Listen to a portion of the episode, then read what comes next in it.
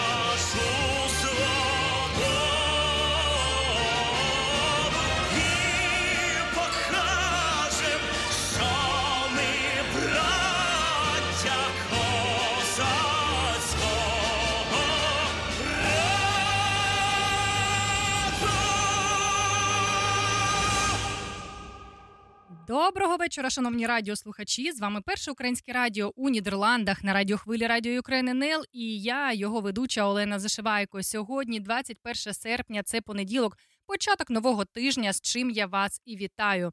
Е, бажаю всім продуктивного тижня, здійснення всього того, що ви запланували. І, як завжди, кожного етеру ми нагадуємо світові про те, що війна в Україні триває. Давайте згадаємо кожного, хто поклав за свободу України своє життя. Давайте вшануємо кожного українця, хто боронить нашу Україну у цій війні наступною піснею. Я бачив сталь і як падає небо. Я бачив те, чого нікому не треба. Я бачив болю на десять життів. Мамо, молись за своїх синів. Віра гріє серце і палке бажання жити. Ми ступаємо в світанок новий. Завтра нас немає, але добре пам'ятаємо, що тримає на цій землі. Сонце за спиною, і брати, що хочуть жити кожен день, виборюєм шанс. Ми ж такі молоді, нам би ще по землі, а не по траншеям гулять. Я бачив сталь, і як падає небо. Я бачив те, чого нікому не треба. Я бачив болю на десять життів. Мама молись за своїх синів. Я бачив страх у очах навпроти. Я добре вивчив свого ворога профіль. Я бачив болю на десять життів. Мама молись за душі своїх синів. Молись, молись. Ми йдемо на схід і тут ніхто вже не питає, коли нас побачить сім'я. Стоїмо на смерті, захищаємо кожен метр, наша земля свята. Серце стало сталю, нас ніхто вже не впізнає, ми забули минуле життя. Вічна слава тим, хто захищає дім, і кого вже з нами нема. Я бачив сталь, і як падає небо. Я бачив те, чого нікому не треба. Я бачив болю на десять життів. Мама молись за своїх синів. Я бачив страх у очах навпроти. Я добре вивчив свого ворога профіль. Я бачив болю на десять життів. Мама молись за душі своїх синів. Молись, мама молись. Я бачив болю на десять життів. Я бачив сталь і як падає небо. Я бачив те, чого нікому не треба. Я бачив болю на десять життів. Мама молись за своїх синів. Я бачив страх у очах навпроти. Я добре вивчив свого ворога профіль. Я бачив болю на десять життів. Мама молись за душі своїх синів.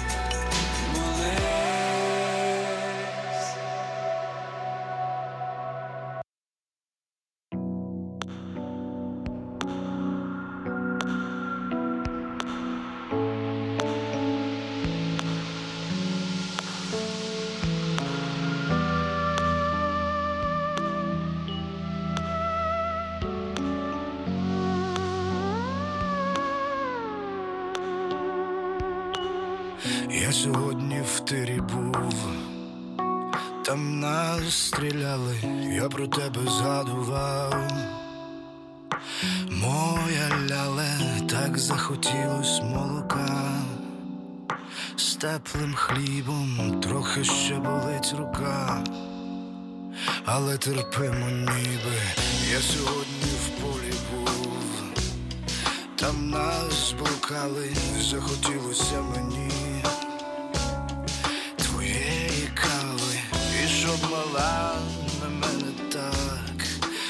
з татку, дай мені, мені мою шоколадку. Найби вже прийшла весна, водичкою ресна, Боже, ну дай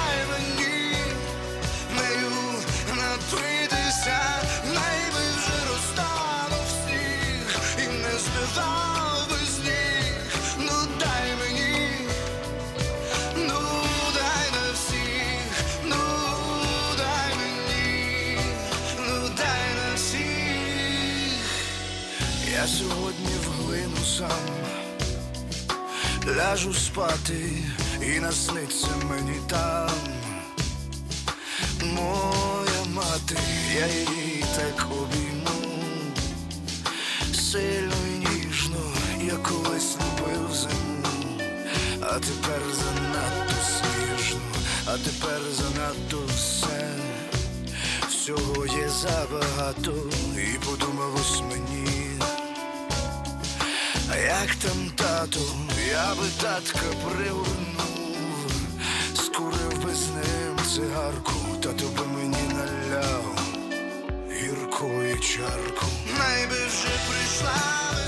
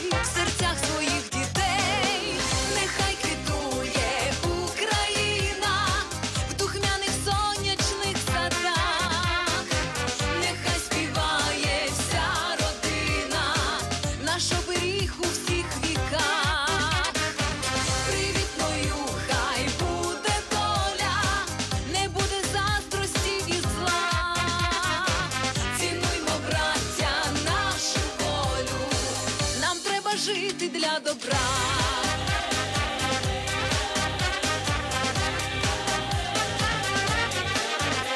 Я вірю, все минеться і прийде новий час.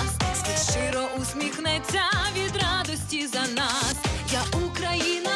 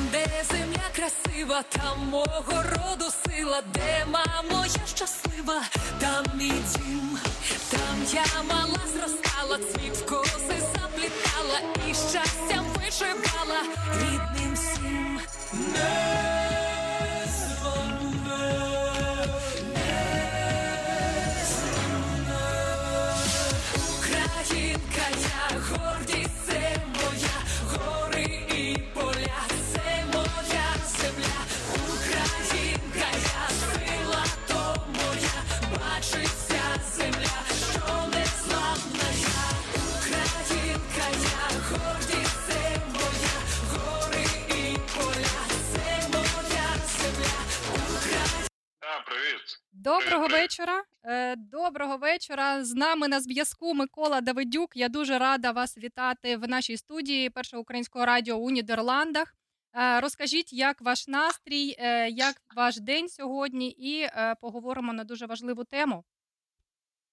Привіт, дякую. Нормально, як, як жартують зараз в Києві, як в середньому настрій, як по країні. Тому сказати щось особливо, особливо, напевно, не можна, але в цілому, якби є відчуття того, що Україна рухається, перемагає, звільняє території, країна збирає на дрони, країна збирає на зброю, країна збирає на свою велику велику перемогу. Мені здається, це найголовніше. Ми в процесі повернення свого, і це напевно те, що надихає точно. Так, е, я хочу сказати для всіх наших е, радіослухачів, хто нас сьогодні слухає, бачить Слава Україні, героям слава. Е, Микола Давидюк є автором книжок як працює путінська пропаганда та е, як зробити Україну е, успішнішою. І давайте поговоримо саме про путінську пропаганду у Європі, як це працює і наскільки взагалі це глобально, як з цим можна боротися. Ну, мені здається, що мільйони, десятки мільйонів українців, які на превеликий жаль стали вимушеними мігрантами, це головні амбасадори боротьби з путінською пропагандою. Це ті, хто говорить правду, ті, хто змушує Путіна мовчати, ті, хто робить так, що мільярди доларів витрачені на пропаганду витрачається дарма, тому що правда встигає весь світ обійти і назад вернутися в той час, коли пропаганда й до половини не доходить. Тому я думаю, що найбільшим капіталовкладенням нас за ці півтора роки зрозуміло, що е, зрозуміло, що якраз є Україна та її сила, і мені здається, ось це ми цим ми якраз спромоглися досягнути і продемонструвати, що можемо перемагати Росію в нелінійний спосіб, не конкуруючи мільярдами один проти одного, а конкуруючи розумом проти їх газових і нафтових грошей. І якраз українці кожен по по крапельці, по копіючці, по зернятку вкинув цю велику перемогу, яка ну наближається. Її ще немає. Ми не можемо розслабитись. Ну от е, це перше. Друге, типу, як працює пропаганда? Ну, на жаль, класно. Зараз з'явилася інформація, що TikTok зливає позиції українських військових. Ну от теж е, Китаю, але знову ж таки, де Китай, там Росія. Ну от е, паралельно з цим Russia Today закрита не у всіх країнах. Третє, мені здається, теж дуже дуже важлива історія. Це коли є велика кількість політиків в Європі, які готові за гроші продаватися Росії. Як це там до війни було їздити в Крим або робити пропутінські заяви, типу що Україні треба вибори цього року дуже терміново, тому що якщо вибори не пройдуть, Україна не демократична. Ви серйозно, типу, а вас в Європі, хоч за 100 років, хоч одна країна в час війни проводила вибори. Для чого ви хочете нас розділити? От для чого ви хочете нас розділити? Чи є у нас проблеми з корупцією? Є, але через вибори вони ж не вирішуються.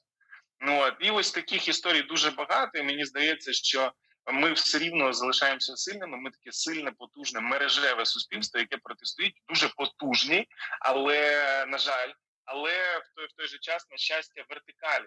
Вертикалі, як як як писали якраз класики, вертикалі е, ці е, площі програють е, площі виграють вежі, да вежі програють площам. Ну от і це якраз таки теж відповідь тому, що наше мережеве суспільство воно сильніше ніж ця російська вертикаль. Тому пропаганда б'ється, в тому числі і такими проектами, як ваш, в тому числі і лідерами думок і нашими друзями-користувачами, які це все дивляться, тобто які шерять, які донатять, які стають частиною збройних сил, які стають частиною людей, які власне розповсюджують інформацію, і все все разом в цілому ми дійсно показали такий великий класний результат, який надихає багато західних країн. Дякуючи Україні в цій війні, вперше захід сказав за останні десятиріччя, що демократія сильна. Згадайте, що говорили при Трампу. Все, демократія погано, Сі Цзіньпін, Путін, ну це стронгмени. Дутерте тоді ще був в Філіппінах, е, Больсонару в Бразилії. Всі казали, це президенти, треба бути такі сильними, а демократія нічого не коштує. І тільки Україна ввійшла серйозно в цю бійку, серйозно ввійшла, не маючи таких бюджетів, армії, потужностей. Але всі сказали, ні, вони демократичні, вони круті. Ми теж хочемо бути як вони. Ми потім в якийсь момент розуміємо, що вони є такі, як ми. Ну от і насправді нас нічого не відрізняє ні в цінностях, ні в стилі життя, ні в того, в тому, чого ми прагнемо.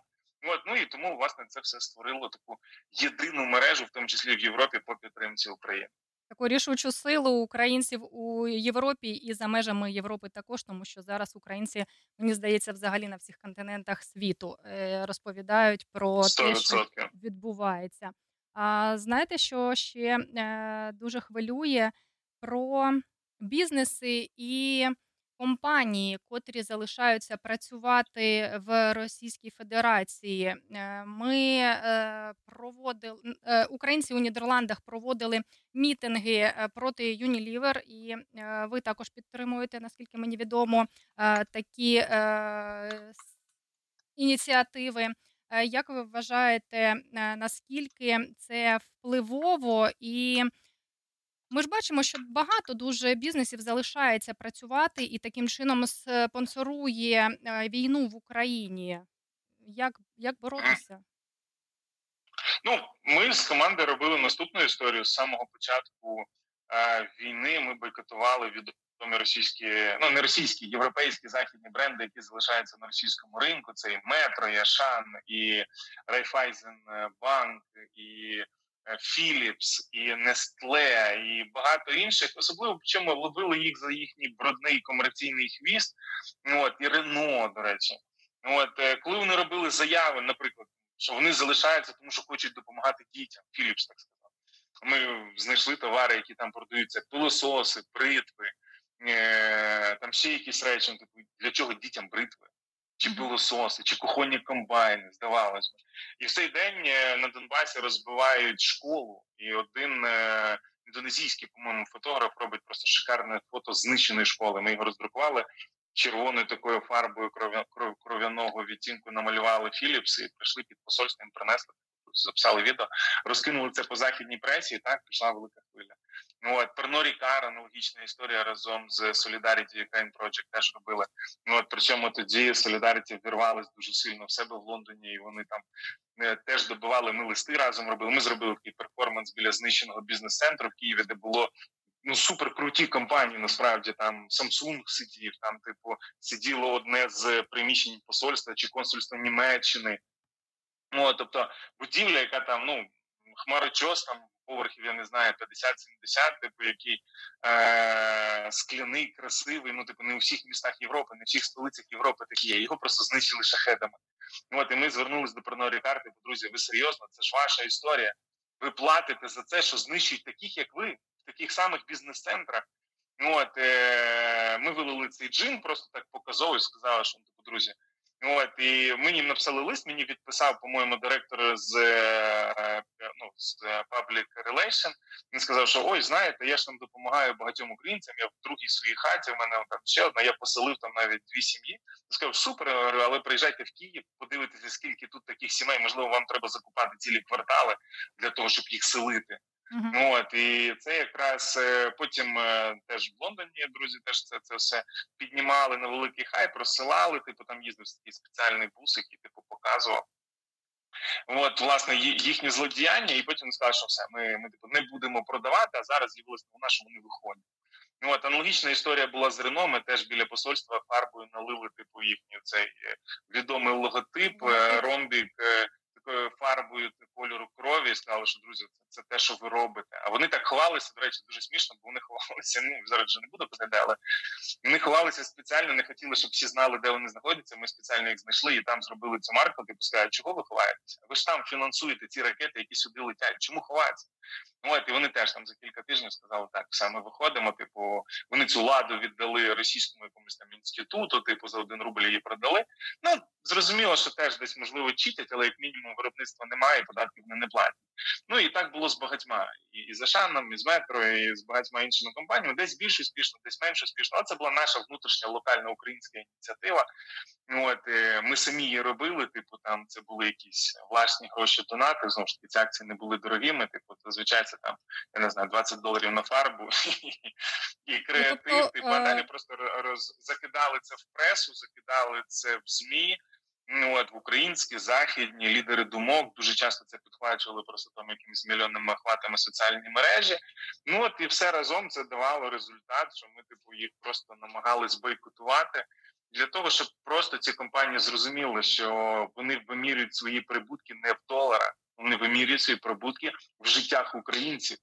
Якщо вони думають, що вони тут, типу, десь там в своїх супермаркетах чи, наприклад, е, в своїх соціальних акціях там щось роздали, типу там я не знаю 0,1%, і вони думають, що цього вистачить, щоб типу відмитись. Це неправда. І ми нагадували багатьом з них, що Хьюго Бос заборонявся після підтримки фашизму. Люфтганза заборонялася як компанія після підтримки фашизму, і багато інших компаній, які працювали на Гітлера, які сплачували податки, які допомагали фронту. Вони заборонялися, і це наш меседж світу. Що друзі, типу, давайте переглянемо ставлення до цих компаній, тих, хто не вийшов, тих, хто працює на Росію, ну от тих, хто працює е, на їхні, ну для прикладу, Unilever, це остання компанія, знаєш, в Голландії проходила вона. Ми робили це в Бородянці, але дивіться. Вони ж не просто сплачують гроші в бюджет, вони навіть бронюють свій персонал, щоб вони потім ставали військовими. Тобто вони напряму підтримують російську армію. Ну, типу, а окей, а чим це відрізняється від ігілу? Ну, типу, що якщо вони, наприклад, присутні на азійських е, ринках чи на ринках близького сходу, да, де ігіл орудує, так що це значить, що ви типу в ігіл теж будете відправляти? А чим відрізняється а, Путін від Саддама Хусейна, від Муамара Каддафі? Чим Путін відрізняється від Усама Бен Ладена? Мені Він здається, навіть десятки разів більше. більше. Ось. Але, типу, всі кажуть: ні, ні, ні, це ж типу ультра, ультра е, екстремізм, а тут ні. Ми щось путаємо. Тут ціла держава терорист. І не в назві, як в ІГІЛу, да? бо в ІГІЛу немає ні прапора, ні конституції, там немає ні території. В ІГІЛу є тільки одна річ, типу назва. От, і екстремістська ідеологія. Так в Путіна є навіть ціла держава. Ось це проблема. Тому, скажімо так, е, наш меседж був посланий на те, щоб якраз таки зупинити їх роботу там, але й привернути увагу в Європі. Чи точно треба подавати руку всім тим, хто фінансує путінську армію? Більше того, е, відправляє туди свій персонал. Ось це дуже дуже дуже небезпечно. А ще е, є таке запитання. От, наприклад, зараз е, дуже багато в Європі європейцям кажуть, ну такі от.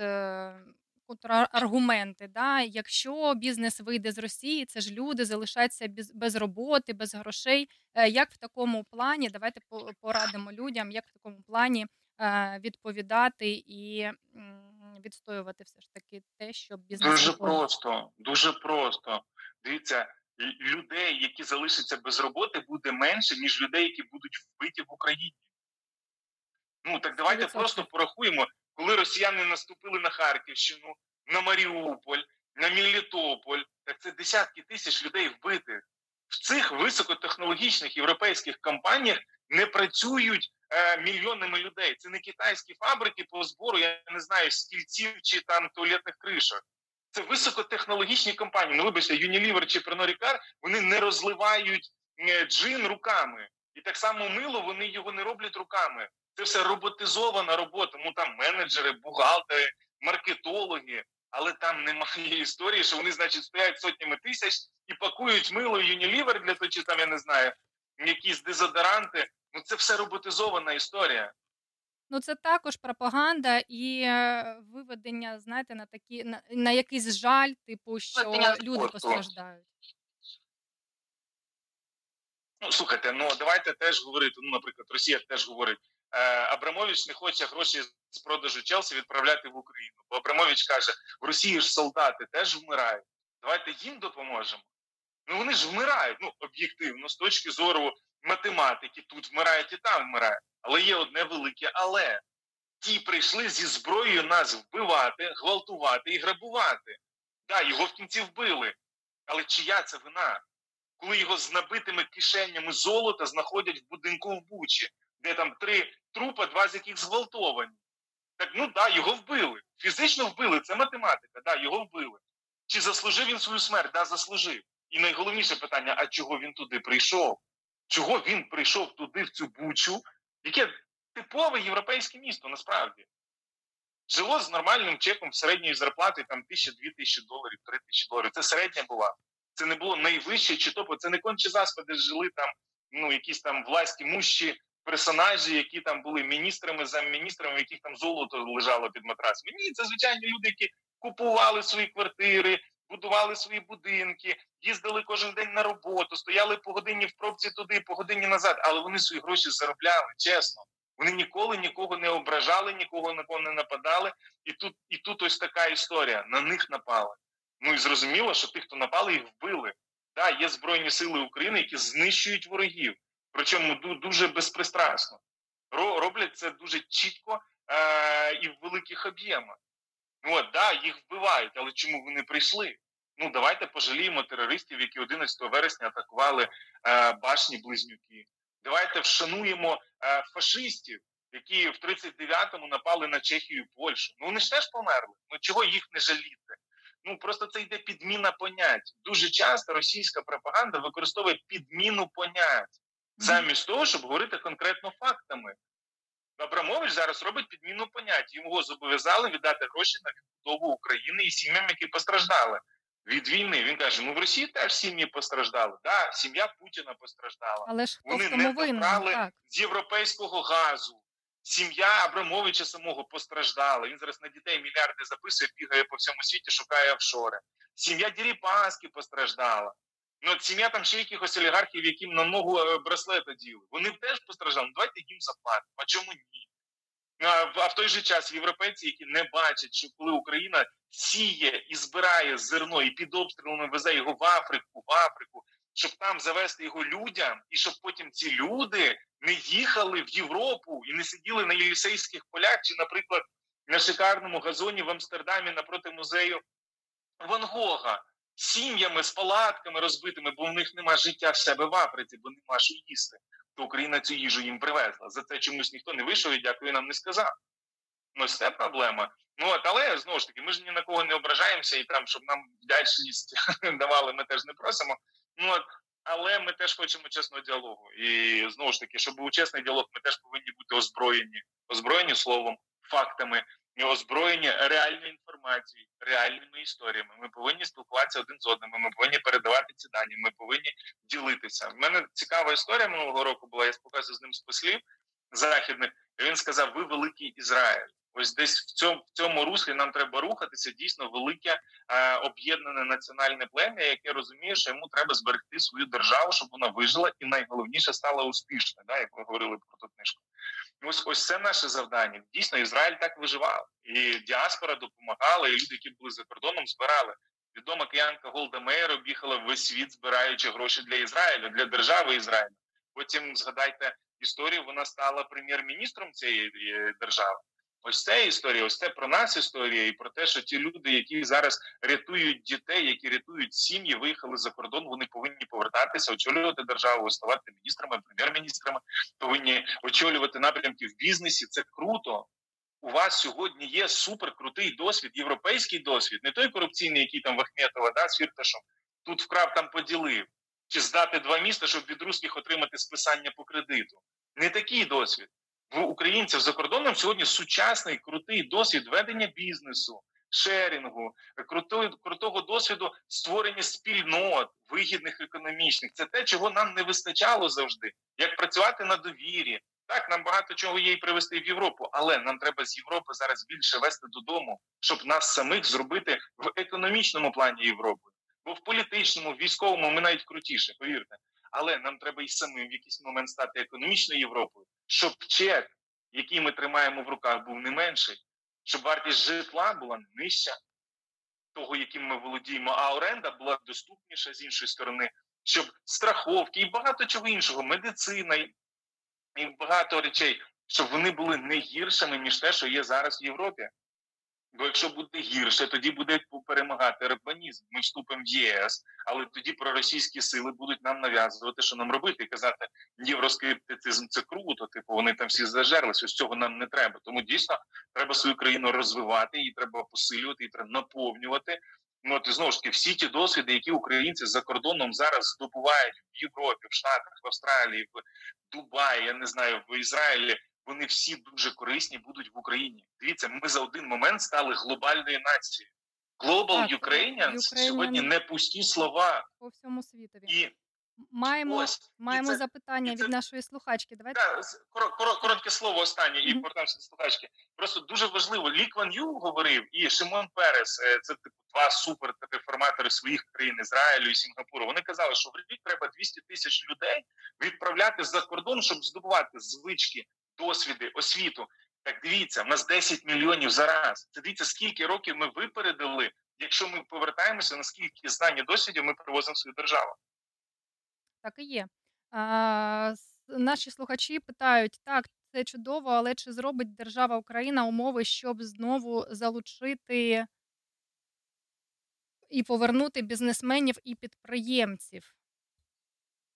Ну, слухайте, давайте теж зараз не обтяжувати державу. Типу, держава бореться, б'ється. Типу, є там покидьки, і є паразити, які яйця по 17 продають. Ви знаєте, історію курточки завозили в Молдову з Туреччини по 25 тисяч, в Україну 367. Ці самі курточки стоять. Да, типу, є покидьки, але типу ті світлі люди, які працюють на державу. Ну вони теж вам зараз звідки вони повинні дати. Ну, типу, підприємці хочуть, щоб вам дали типу 100 тисяч на розвиток бізнесу, як це в Європі. Питання просте, де ми візьмемо ці гроші. Ну, давайте теж будемо реалістами. Давайте будемо реалістами. Ті бізнесмени і підприємці, які залишились в Києві, вони працюють при тих самих поганих корупційних умовах, ще й під обстрілом ракет. Да, типу, я чув це мільйон разів егоїстично, так мені вигідніше залишитися в Європі. Ну, друзі, типу, ну так тоді ми державу не збудуємо. Ну, вигідніше, тоді вважайте себе швейцарцем. Питання, чи будуть швейцарці вас вважати швейцарцем? Ось це питання. У нас є шанс збудувати суперкруту державу. Ми не ставимо ціль бути наступною Польщею, Литвою чи Словаччиною. Ми ставимо ціль бути наступною Францією чи Німеччиною. Ось це ціль.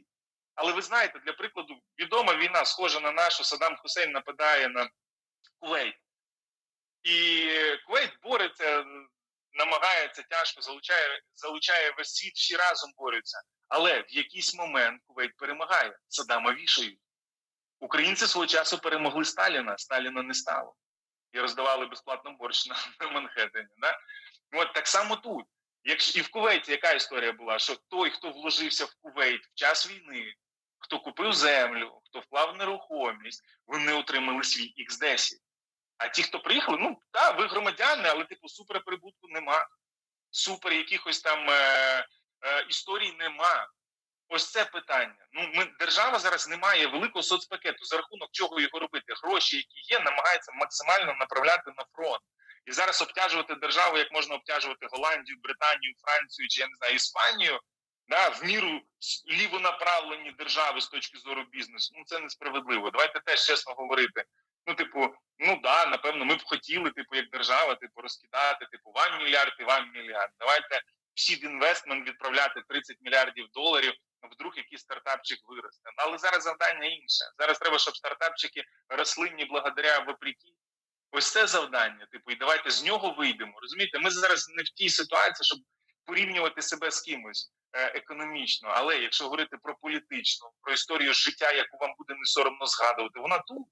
Вона зараз українська. І коли ми казали, що ось українців там, типу, в фільмах, якщо згадують, то тільки погано, якщо українців знають в світі, то тільки через Чорнобиль, то зараз всі в світі кажуть, що це найкрутіша нація. Зараз всі в світі кажуть, що це найхоробріша нація, і зараз круто бути українцем. Згадайте ось ця історія про е, доньку Міли Куніс, коли вона почала плакати, коли дізналася, що українка. Угу. Ось вона це так круто. пишалася. Ось це круто. Мамо, це ж клас. Ось, ось, ось це історія, розумієте? І на цьому ми повинні вибудувати наш бренд країни. Окей, не хочете вертатись? Ну це ж право кожного. В когось діти, в когось якась історія, комусь просто не хочеться. Окей, ваша справа. Але типу, будуйте цей український бренд в Європі. Хочете дотації з Європи, ну беріть їх в Європі. Але будуйте країну, будуйте велику, сильну, успішну Україну. Ізраїльтяни заробляли в світі, але присилали ці гроші всередину. І голда, яка звозила там мільйони, десятки мільйонів кожного разу привозила з кожного кожного від'їзду в Штати, чи в Швейцарію, чи в Францію, вона перевозила купу грошей. Давайте станемо окей. Не може хтось е, чи не хоче воювати, чи не хоче тут жити, але це не відміняє вашого ДНК. Якщо ви з ним, якщо ви цей ДНК приймаєте, якщо ви хочете бути поляком, ну окей, будьте, ну типу, знову ж таки, ми живемо в 21 столітті. Світ космополітизму це нормально.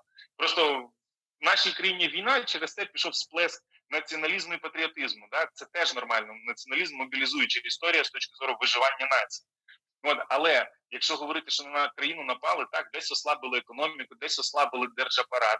Але в цілому, з точки зору нації і державності, кристалізації її в світі і всередині, ми виграли.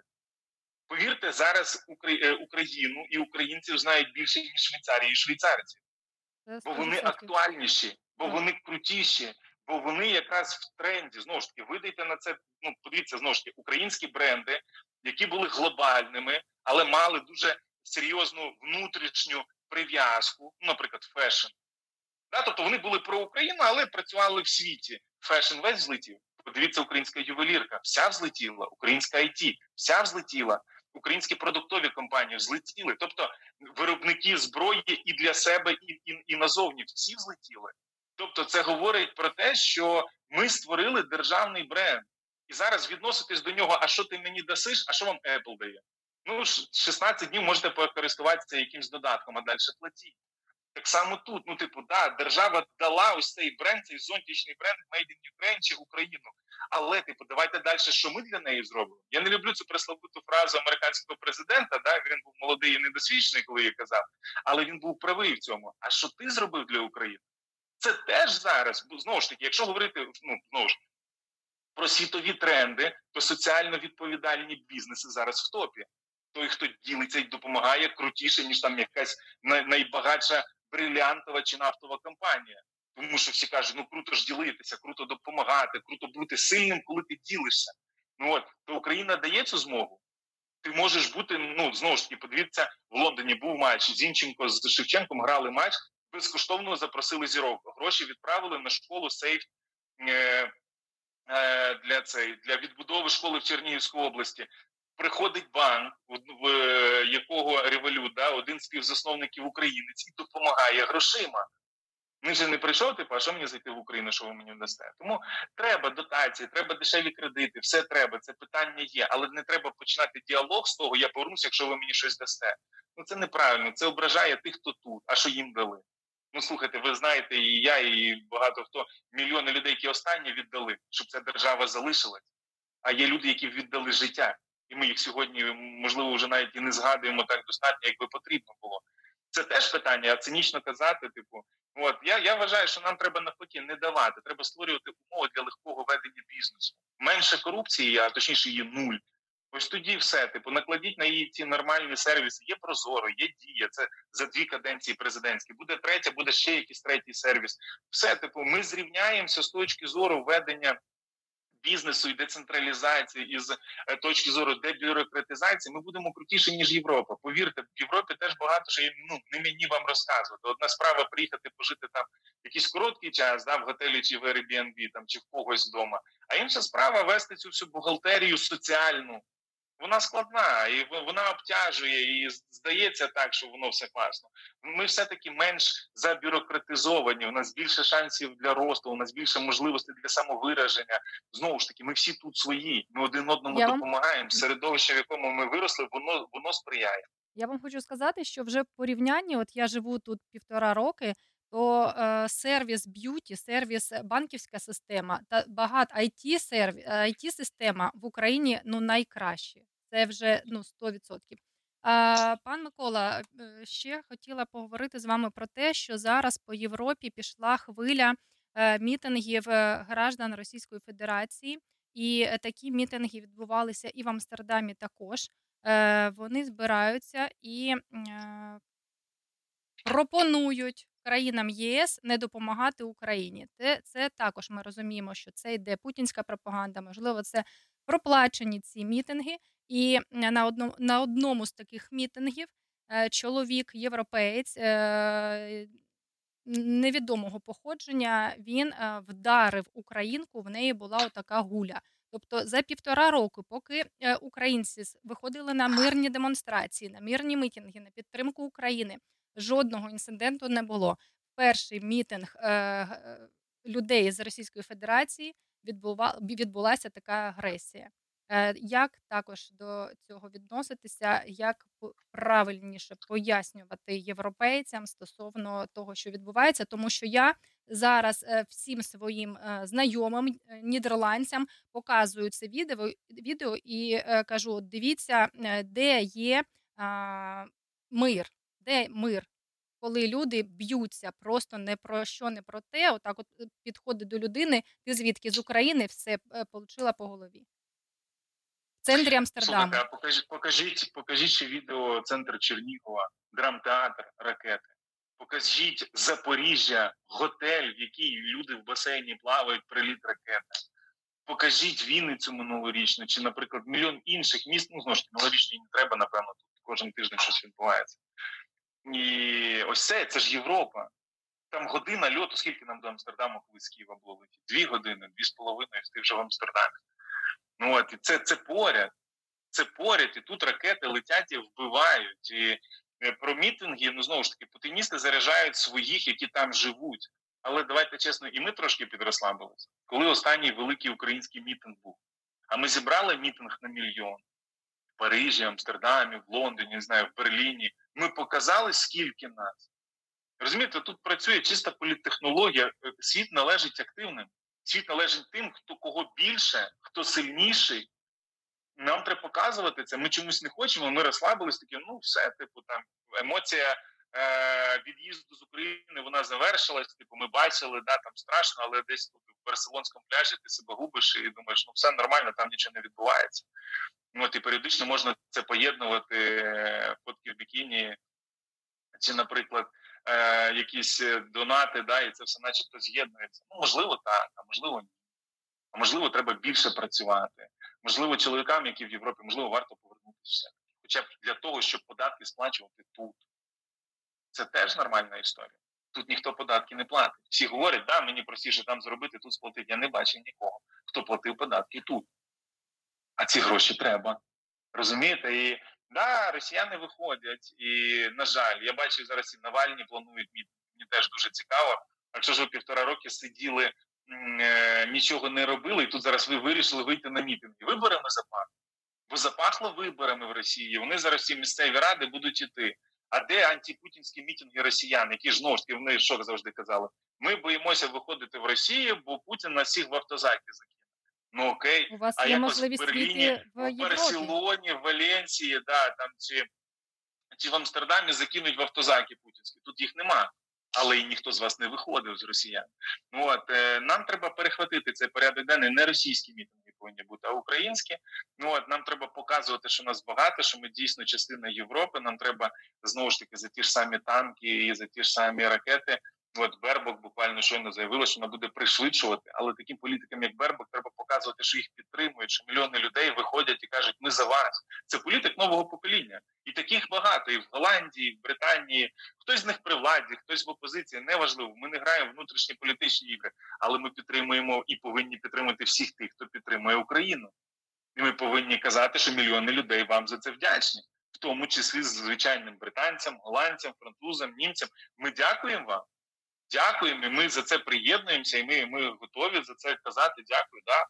Тому що ви допомагаєте зі своєї кишені. Знову ж таки, що сталося в Європі, вибачте, але знову ж таки це не про расизм, але це про українськість і особливість українців.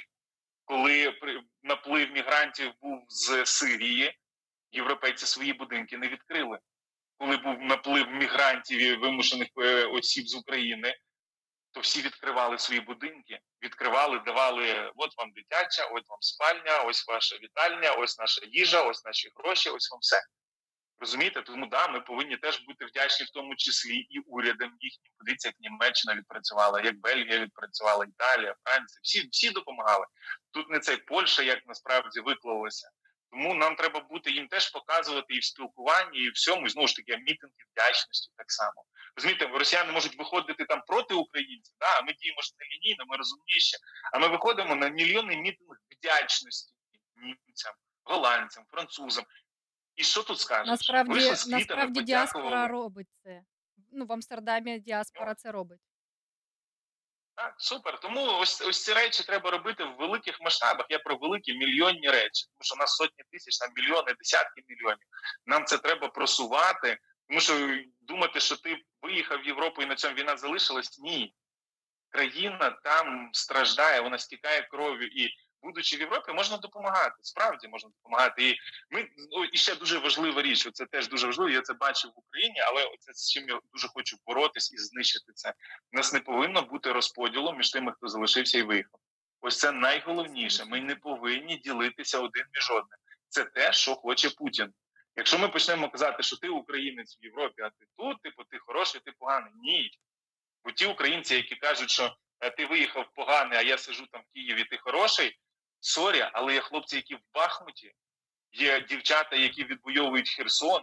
То що давайте тоді тут рівняти. Чому вже так рівняти? Хто виїхав? Давайте вже дивитися, хто на передовій. Розумієте, ось цього не повинно бути. Не повинно бути розподілу, розколу між українцями. Ми перемагаємо, ми сильні, коли виключно єдині. Доки ми єдині, ми перемагаємо. Якщо ми будемо як київські князі, да, які там брат з братом сварилися і програли Київську Русь. Гетьмани і отамани сварилися, програли гетьманат. Далі почалася історія 19-18 рік да, минулого століття. Скоропадський, Грушевський, Петлюра, Винниченко теж почали ділитися того, такий орган, той за ту владу, той за ту владу, теж програли. Розумієте? Ми повинні бути єдині. Якщо ми зараз почнемо розповідати, що ви не вертаєтеся, а ми не будемо вертатися, бо ви, значить, там нам не даєте суперпільги, як дає нам Швейцарія, До чого ми дограємося?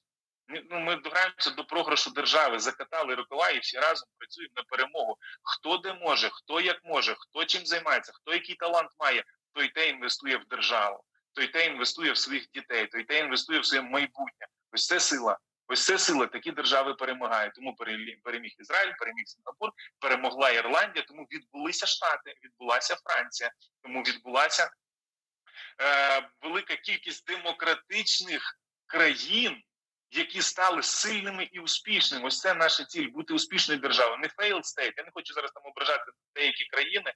Ну от але типу вони в минулих десятиріччях програли свою державність в війнах. Тому що потім е, заходили в конфлікти, в скандали, в корупцію. Все, нема цих держав. Назви залишилися, держав нема. А нам треба навпаки. Нам треба, щоб до нас стояли десятки мільйонів мігрантів. А ми казали, хочемо, не хочемо. Думаємо, щоб ми дивилися, яка наша яка наша економічна політика, щоб до нас їхали, щоб там хотіли заробляти всі. Ось так так держава повинна бути, щоб нашим мистецтвом всі пишалися, щоб воно в круті найкрутіших музеях висіло, щоб нашу музику весь світ слухав, щоб в Apple Music ми в топі були, щоб наші фільми всі дивилися, щоб Netflix забитий був нашими фільмами. Розумієте, не розпилом в мінкульті, типу 300 мільйонів сюди, 400 сюди, а крутими українськими фільмами, якими дійсно будуть заводити, як Корея зараз робить. Дивіться, паразиті всі подивились. Гру Кальмара всі подивились. Оскари заробили, мільярди заробили. BTS всі слухають. Капіталізація на ринку на біржі 6 мільярдів доларів. Групи. Так подивіться, скільки в нас таких груп. Та наших груп на трильйон тягне, які можуть е, бути бути не гіршими, але питання глобального підходу, те, з чого ми з вами починали, що ми зараз отримали вперше в історії такий великий глобальний підхід. Раніше були хвилі міграції в Аргентину, і в Канаду, в Штати, в Іспанію, в Італію. Португалію, в Ізраїль, в Австралію багато. Але не було нас з'єднано. Ми зараз з'єднані всі в мережі. Ми зараз на відстані витягнутої руки, нажатої кнопки. Ми всі разом. І ось це дуже важливо, коли ми всі разом ми спілкуємося. Ми ми не роз'єдналися ментально. Дивіться, ми вперше в житті українців, виїхавших з України, але українців не стало менше. Дивіться, ми колись сказали, у нас 52 мільйони, тепер 40, що робити? Так ми зараз кажемо, а нас тепер знову 60, 65, тому що всі українці по всьому світу кристалізувалися як українці. І ось це сила, нас стало більше, нас війну не стало менше. Це дуже неправильний проросійський меседж, що нас стало менше 20-30. 20-30 це, це в центральному офісі в Україні сидить, а по всьому світу на 60-65 значить нас стало більше. Тепер питання: а що 65 мільйонів може дати для світу? Розумієте, ми повинні трошки ще змінити мислення, що ми можемо дати для України, і що Україна може дати для світу. Так. Дякую вам. У нас е, дуже швидко, дуже глибока тема, і хочеться спілкуватися якомога довше. Але на жаль, е, час ефіру він е, дуже швидко закінчується. Кожного разу, коли запрошуємо гостей до наших етерів під кінець інтерв'ю, я прошу побажати від себе українцям. Будь-що. Будьте самі собою, будьте самі собою. Ми круті, ми класні, ми стильні красиві, розумні. і Мені здається, не треба бути кимось іншим. Будьте самі собою, показуйте, які ви, хто ви, говоріть про це гордо, красиво і робіть все найкраще, що ви можете. Try your best, і мені здається, що тоді країна дійсно зацвіте, і ми будемо найкрутішими. Тому рецепт простий. Обіймаю всіх до зустрічі. Дякую вам, дякую вам, пане Микола. Дякую вам за запрошення. Дуже класна, е, класний ефір, класна тема. І я дуже сподіваюся, що е, все ж таки мислення у українців трошечки та змінилося. Обов'язково передивляйтеся, розширюйте і виходьте на мітинги, підтримуйте Україну, донатьте. Слава Україні! І ми сьогодні ще на один день ближче до перемоги. Дякую вам, обіймаю. Будемо на зв'язку. До зустрічі. Пока-пока.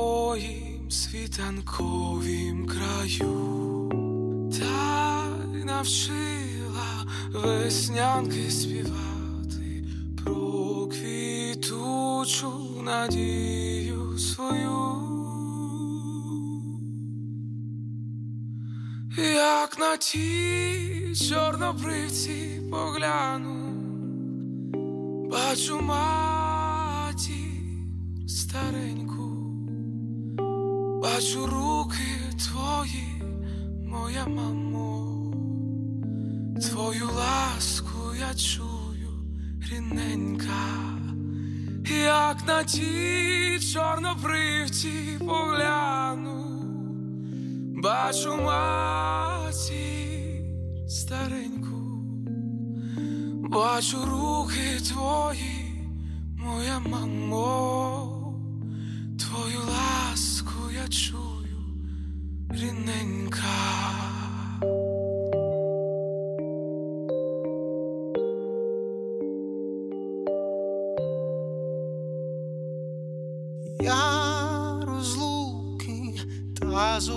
світі знаю, бачив я у чужій стороні, чорнобривці із рідного краю, що насіяла ти навесні, як на ті чорнобривці погляну, бачу ма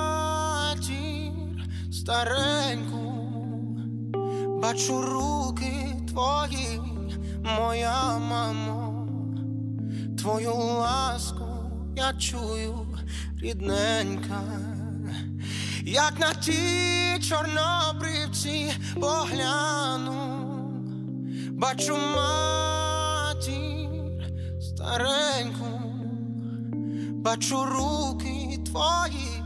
Моя мамо твою ласку я чую рідненька.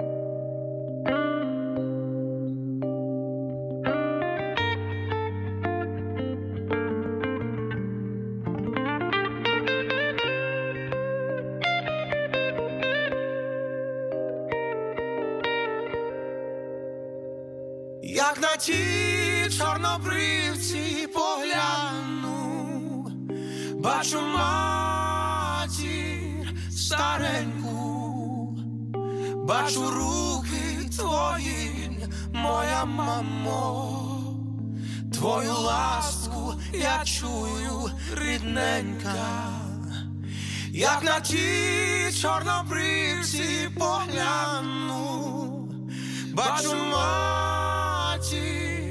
стареньку, бачу руки твої, моя мамо, твою ласку я чую, рідненька.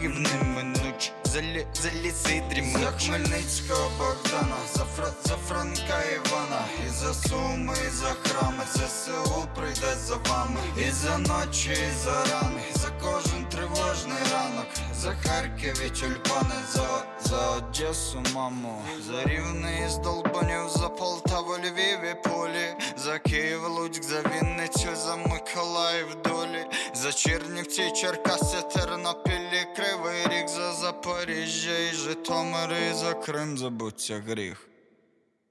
В небі чистому чути грім, в небі свистало чути гімн, в небі чистому мутний дим, горить ліс, але чути гімн, в небі чистому чути.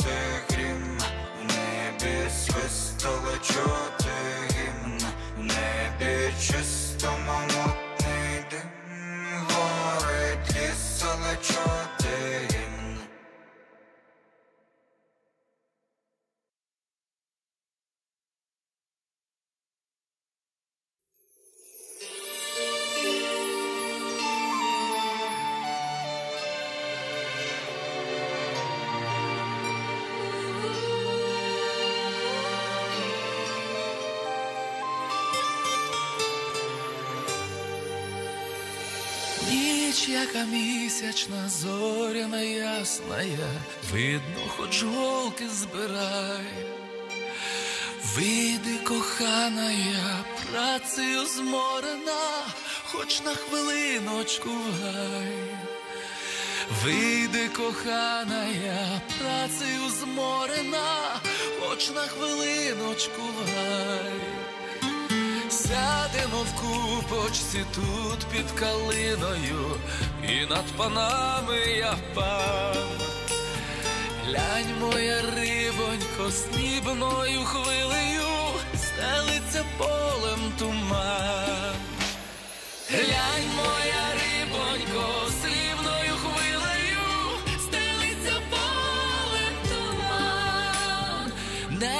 Небо незміряне, всипане зорями, що то за Божа краса,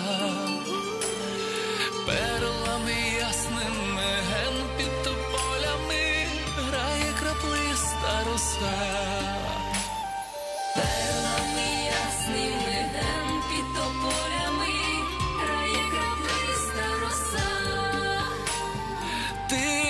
Лякайся, що ніженьки босі вмочиш в холодну росу.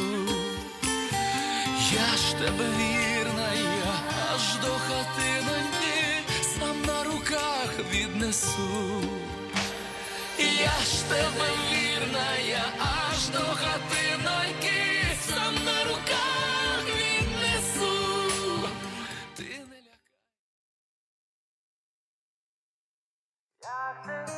Найщиріші два слова, що ти, ми за крок до свободи знати, ти ще вже перемог, і завтра настало живе і здорове, як ти, найщиріші два слова, що ти, ми за крок до свободи знати, ти ще вже перемога.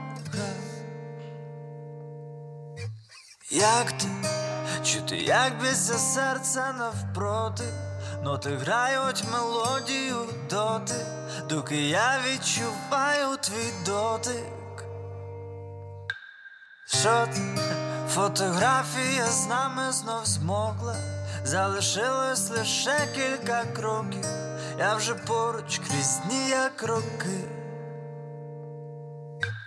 Як ти, найщиріші два слова, що ти, ми за крок до свободи знати, ти ще вже перемог, і завтра настало живе і здорове, як ти, найщиріші два слова, що ти, ми за крок до свободи знати, ти ще вже перемога. Далі буде тоді, коли ми один одного любимо, стали народом сміливим, являємося людьми ми. Вже сьогодні це відчув весь світ. Та ти знаєш, як до тебе прагнув обійм. Зараз час так плине його, прошу поверн. Мири братів, які всі разом пішли проти він. Вірю, побачиш, що вернемося живі. Як ти? Що ти?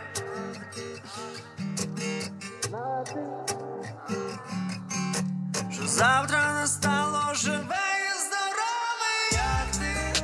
Найщиріші два слова, що ти?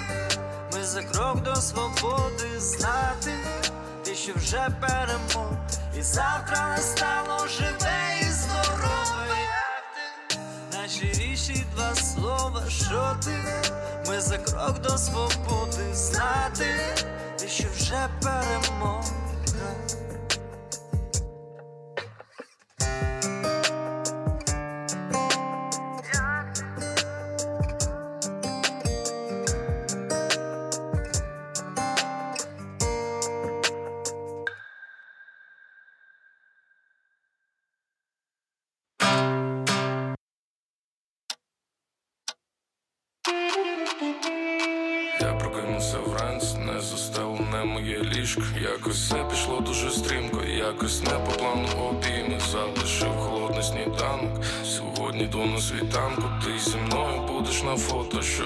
Завжди міг пригадати.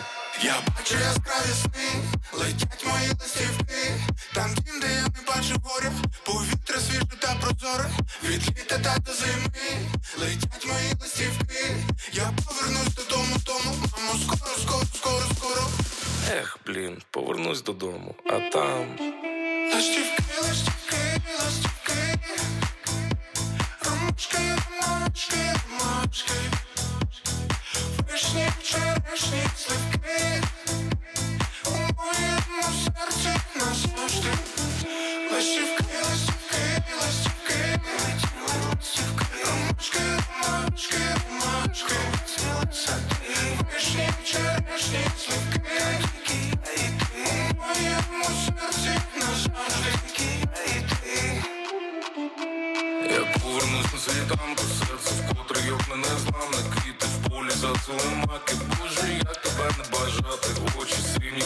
небеса кажуть, не буває чудес, і поки ночі палають, як дні, над нами літають вони.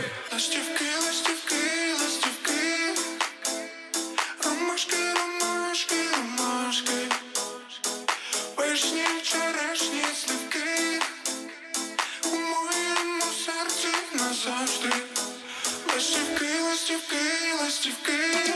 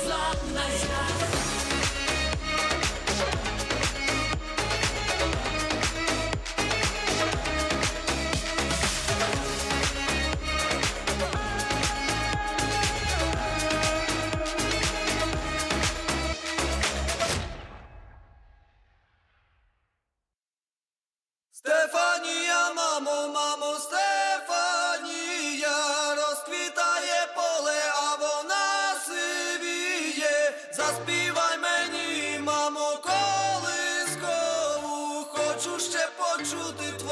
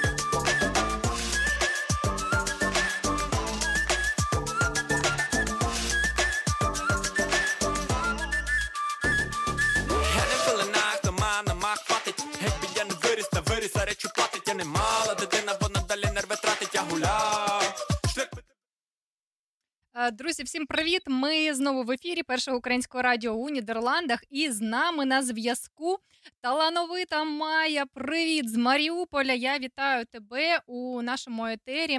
Розкажи, будь ласка, про себе, як твій настрій, як пройшов твій день. І взагалі давай поділимося з нашими слухачами, чим же ж ти займаєшся і е, які виставки робиш у Нідерландах. Ну, сегодня э, день проходит отлично, потому что погода в Нидерландах хорошая. Это очень удивительно на самом деле. И сегодня у меня вышло почти до конца дорисовать свою комнату, свою картину в комнате. Э, Мне специально отделили специальную комнату, где я могу рисовать. Она довольно большая. Сзади как раз-таки моя картина. Э, и Здесь я могу вполне э, так развиваться и рисовать свои картины. Розкажи, будь ласка, з якого віку взагалі ти почала малювати, і е, хто, хто дивиться на твої картини, де взагалі вони знаходяться у Нідерландах? Тому що коли ми з тобою листувалися, то е, ти мені повідомила про те, що маєш власну виставку у Нідерландах. Це правда? Да, это так. Э, Вообще э, очень э, заурядный вопрос. Я, в принципе, не помню, когда... ну, детально не помню, когда я еще начала рисовать. Единственное, что я помню, я очень сильно вдохновлялась художниками, в особенности живописцами. И вот сейчас, э, в тот момент я решила что-нибудь попробовать. И с каждым разом я понимала, что у меня все получается. Я решила тоже попробовать. Ну и вполне успехи меня удовлетворяют.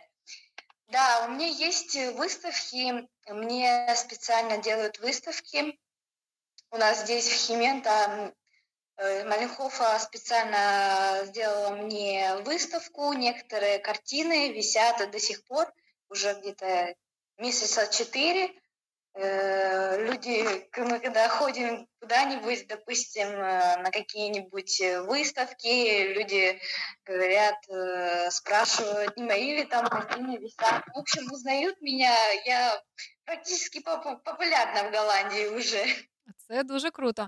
Розкажи, будь ласка, а що тебе надихає на створення картин? Чи е, що ти хочеш перенести, коли е, малюєш? Що ти хочеш сказати саме своєю картиною? Но сейчас, на данный момент, э, конечно, я хочу передать через свои картины, даже через обычную живопись, через обычную природу, которую я рисую, хочу передать то, что я пережила э, за время всей этой войны, то, что хотелось бы передать кусочки своей жизни, кусочки своего опыта, все, что меня волновало, все, что меня затрагивалось, все, что можно передать через краски, а не через обычные слова. Тобто історія війни також вона відображається у твоїх картинах. Так? Да, чтобы это все оставалось и в памяти у людей. Слова можно забыть, но картины можно э, выставлять, и чтобы люди помнили и историю знали. Розкажи, будь ласка, в якому місці це відбувається? Э, Сейчас э, я нахожусь в Голландии, провинция Гронинген. Я нахожусь в, в Пекеле, это такой пригород. Э, Нам э, для украинцев специально э, сделали, ну как, выселили э, Спеціальну пожилых локацію и зробили, так? поселили- Мгм. Да, да, поселили э, украинцев, и мы сейчас здесь находимся, около 400 э, людей. Мы ходим в школу, учим язык, и все в этом плане. Мы развиваемся, нам все абсолютно, и медицина, все, все в наших руках, и все нам предоставляют, как обычный. А Розкажи, будь ласка, скільки за своє життя ти намалювала картин? Чи є такий підрахунок? Я, конечно, не читала, но я помню, что картины я всегда рисовала с великим удовольствием. и всегда рисовала для того, чтобы люди созерцали э, настоящую красоту природы, обыденность в вещах, которых с нами происходят, но их особо-то и не ценят, потому что они происходят каждый день, и они вроде бы так необычные. Я вот рисую на больших форматах, поэтому мне иногда э, приходится рисовать месяцами. Я рисую маслом, и картины очень долго высыхают, поэтому я рисую картины где-то две картины, три картины в месяц. Так. Угу. Дуже Ну, в цікаво. принципе, уже да, года три я насобирала уже много. На виставку на Конечно. свою точно назбирала. Да, определенно. Конечно, некоторая часть осталась в Мариуполе, но все-таки с собой я и в Голландию привезла целые холсты, и здесь рисую тоже.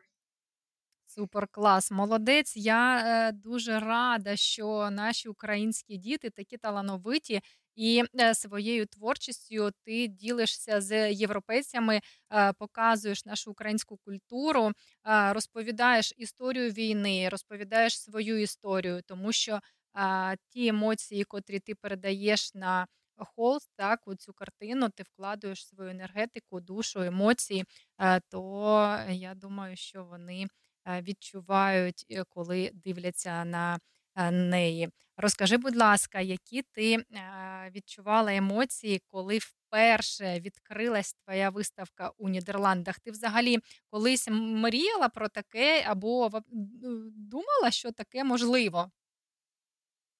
Я вот, честно сказать, я очень была сильно этому рада и очень сильно благодарна вот прям всем сердцем. Я даже, наверное, картины так не рисовала, когда... И я вообще приехала в Голландию специально поэтому, потому что голландцы, они очень любят э, художников и очень ценят искусство. Именно художники опирались на голландские пейзажи, поэтому я решила приехать в Голландию и даже не ожидала, что да, я могла срисовывать э, натюрморты, рисовать э, пейзажи какие-нибудь голландские, но я даже не думала, что у меня будет э, именно выставка в Голландии.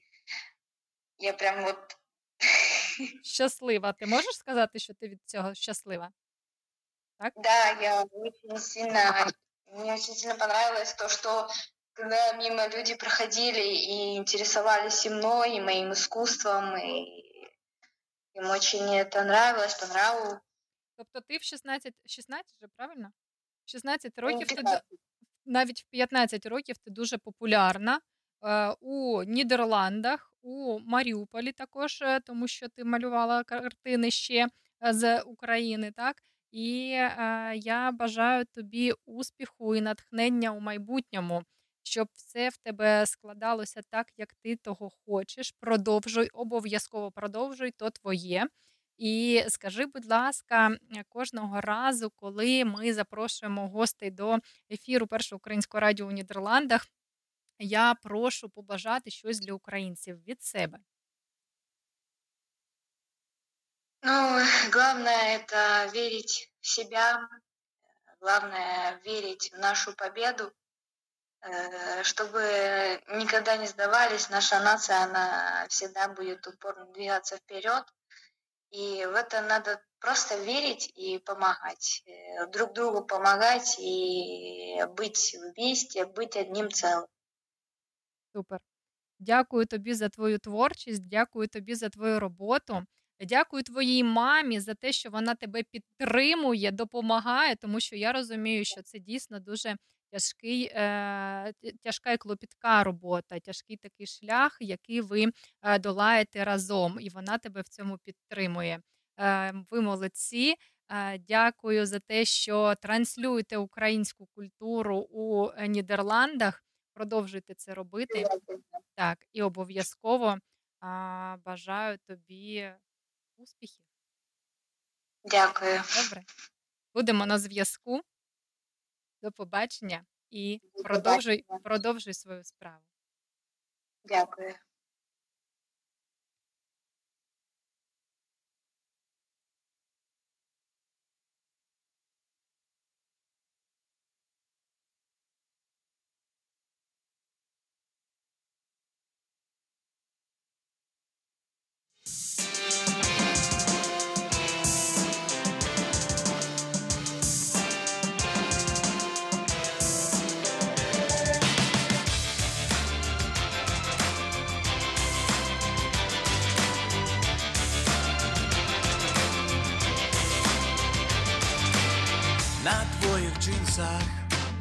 Американський прапор, на твоїй майці канадське кленове листя. У твоїх очах видно тільки одне питання. Хто мені скаже, чому я тут народився? Не твоя вина, що ти батька свого сина, а твоя біда не вміти бути ним. Стидайся, то твоя земля, не стидайся, то Україна. Добре там є, де нас нема. Сто для батька нормальним сином. Не стидайся, то твоя земля, не стидайся, то Україна. Добре там є, де нас нема. Сто для батька нормальний. Ти знову купиш струйові німецькі шузи. Твої вуха давно вже звикли до чужої музики. На твоїх губах застигла гримаса болю. Чому я тут ще? Я хочу давно на волю. Не твоя вина, що ти батька свого сина, а твоя біда не вміти бути ним. Не стидайся, то твоя земля, не стидайся, то Україна. Добре там є, де нас нема. Стань для батька нормальним сином. Не стидайся, то твоя земля, не стидайся, то Україна. Добре там і є, де нас нема. Стань для батька нормальним сином. ЗСУ налічує 700 тисяч військових, з них 38 тисяч жінок, 662 тисячі чоловіків, а також 20 тисяч добровольців з різних країн світу. Не стидайся, то твоя земля, не стидайся, то Україна. Добре там є, де нас нема. Стань для батька нормальним сином. Не стидайся, то твоя земля, не стидайся, то Україна. Добре там є, де нас нема. Не стидайся, то твоя земля, не стидайся, то Україна. Добре там є, де нас нема. Стань для батька нормальним сином. Не стидайся, то твоя земля, не до Україна. Добре там і є, де нас нема. Стань для батька нормальним сином.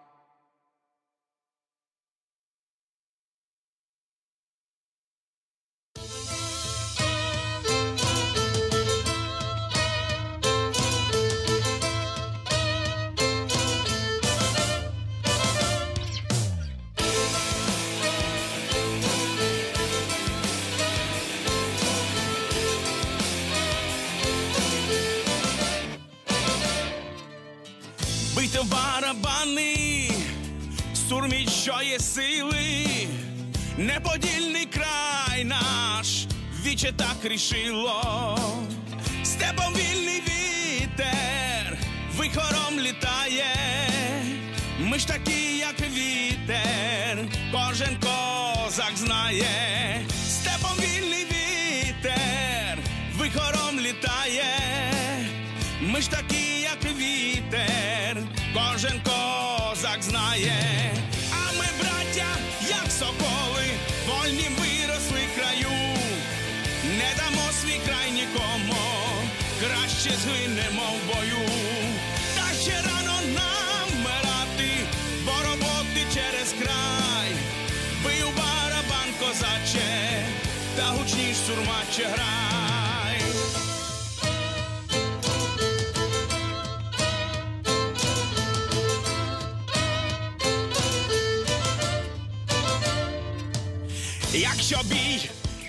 до бою, якщо мир до миру, гостям хліб і сілю, в єдності то сила, згинуте гаразди, розквіте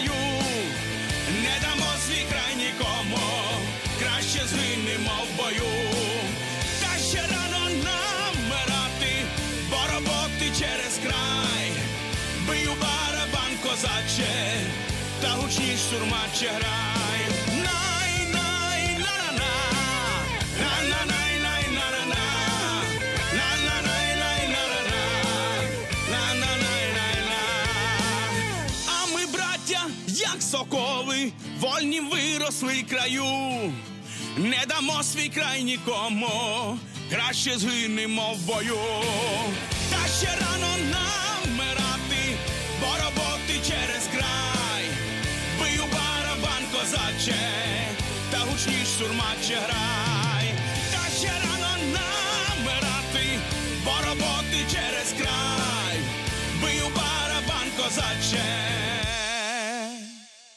та гучніш сурмаче гра.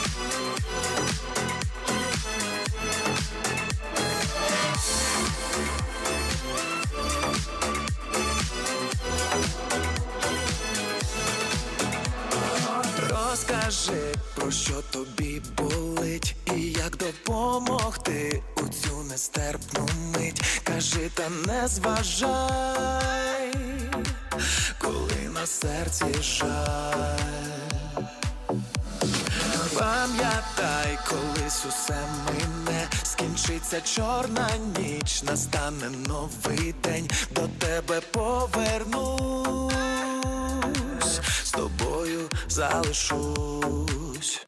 Тихим дотиком вітру на твоєму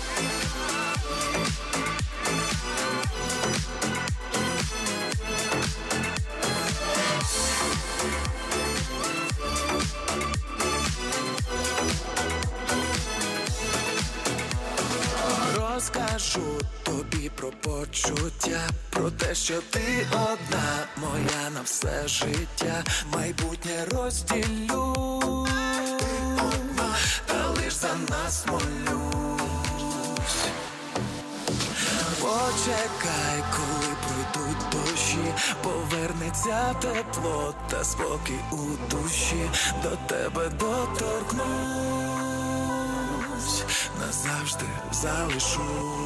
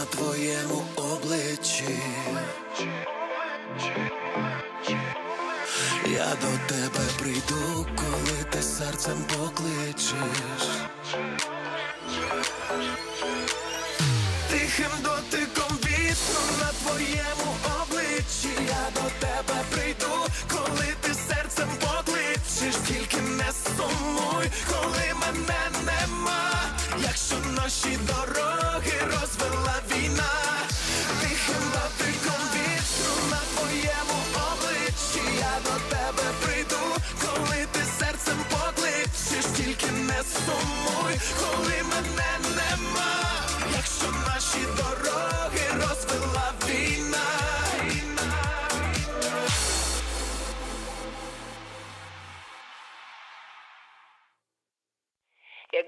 Був останній твій день, кого б ти пробачив, кого б не брав, і з ким розділив би все, що ти мав, і чи жалкував, що батькам збрехав, якби це був останній твій день, чи мав би багато важливих справ, чи просто лежав би посеред трав, і рідних за руку тримав, якби це був останній твій день.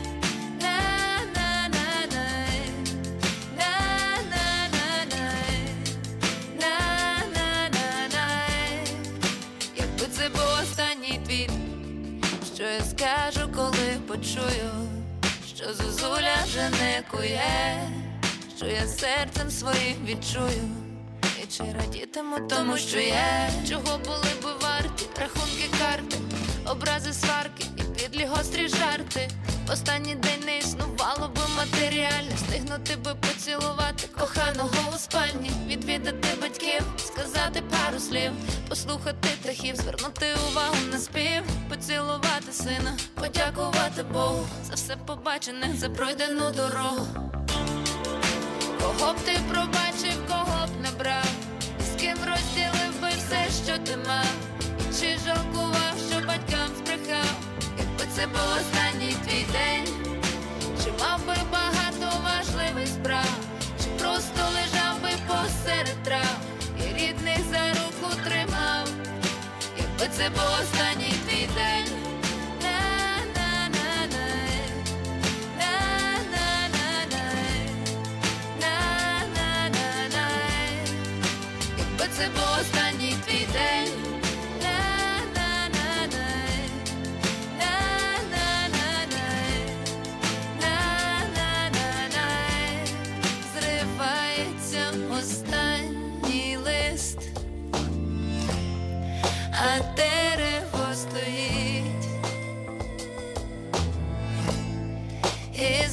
Зацвітуть бруньки нові, ей, коли переболить. Коли переболить, тоді починаємо любити.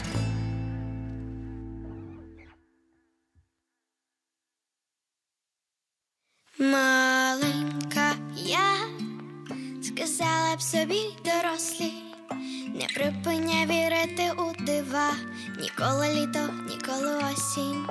Доросла я сказала б собі маленький, в світі багато, багато зла, не втрать своє світло руденьке. І на повторі знову ті ж самі слова. І коли я доросла, і коли була мала, не йдуть літа,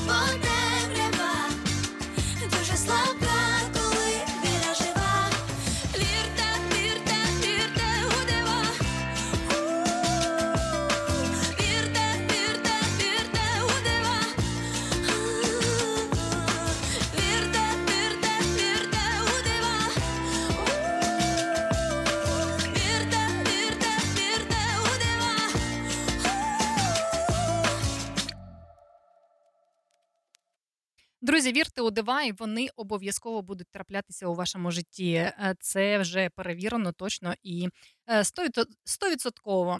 Е, сьогодні був дуже насичений ефір з цікавими гостями. Я сподіваюся, що ви сьогодні були у захваті так само, як і я.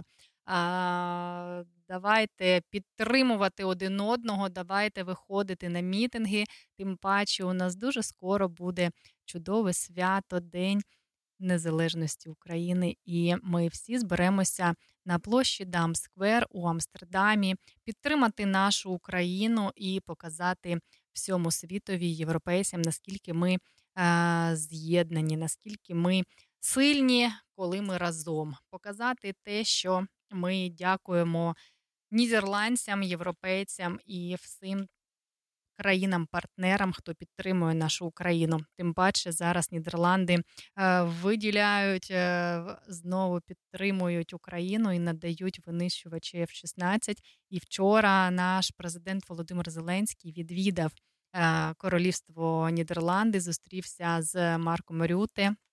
І е, подивилися на ці винищувачі F-16. Тож це дуже гарні новини, котрі дають надію на те, що все ж таки ми ще швидше переможемо у цій війні. Я рада дуже всім, хто приходить слухати наше радіо. Я е, всіх обіймаю, люблю і хочу сказати, що ми сьогодні ще на один день ближче до перемоги. І давайте все ж таки підтримувати нашу країну, донатити, розповідати правду, боротися з пропагандою, з путінською і не тільки. І тоді ви знаєте, що правда завжди перемагає.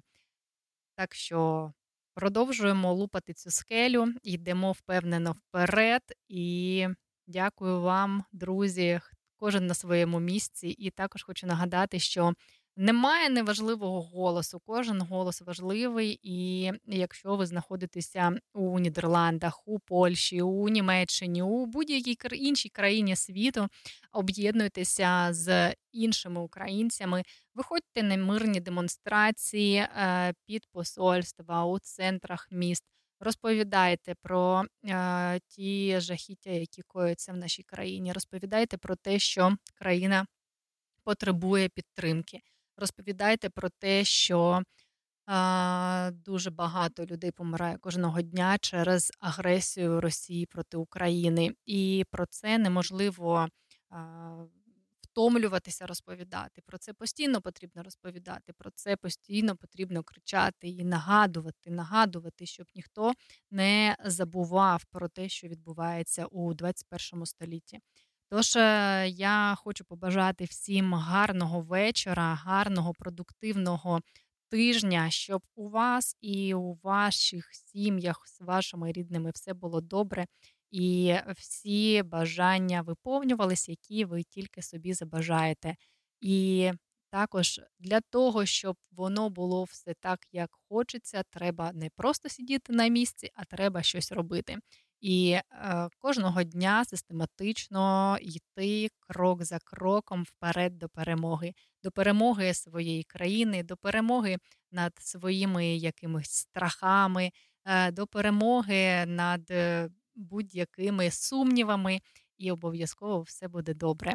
З вами була я, Олена Зашивайко. Це перше українське радіо у Нідерландах на радіохвилі Радіо НЕЛ. І ми з вами почуємося у наступному ефірі, і також будемо спілкуватися з чудовими цікавими гостями. Е, тому що у нас вже ефіри від, відкрию вам чесно, секретики такі. У нас ефіри вже е, розписані на місяць наперед. І реально гості всі дуже чудові і талановиті. Тож обов'язково приєднуйтесь до прослуховування. Також, якщо ви знаєте талановитих дітей, пишіть в наші особисті повідомлення в інстаграм і в телеграм-каналах. Будемо підключатися, будемо розповідати про таланти, про культуру України і е, ділитися е, корисними лайфхаками, корисною інформацією, яка допомагає допомагатиме українцям, де б вони не були. І я вже прощаюся з вами, обіймаю, люблю. Бувайте гарного настрою на весь тиждень. Всім пока!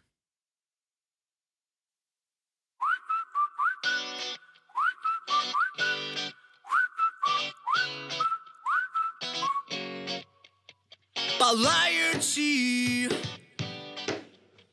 вогнем своїм серцях ми маємо забути слово жах, тримаючи, тримаючи долю у своїх руках, ми знаємо, чуєш, знаємо, що вірно, що не так, добрий ранок, Україна. Прокидайся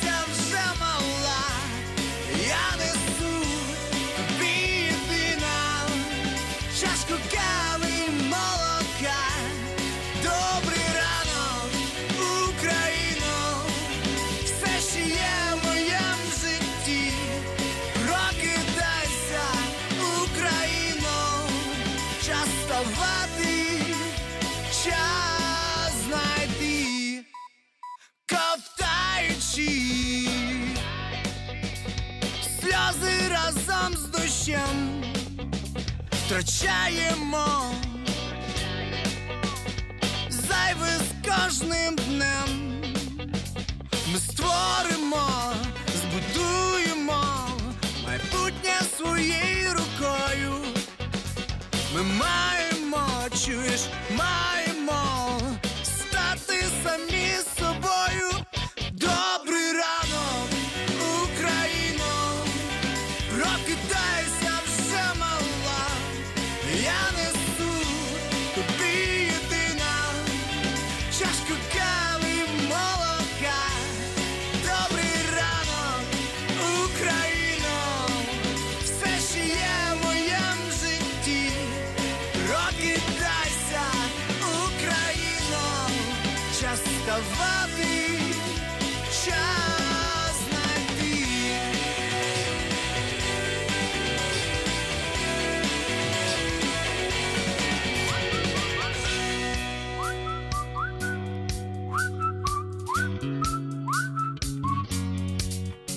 Захищати, оберігати, це означає любити, дарувати радість тобою радіти. Це теж означає любити.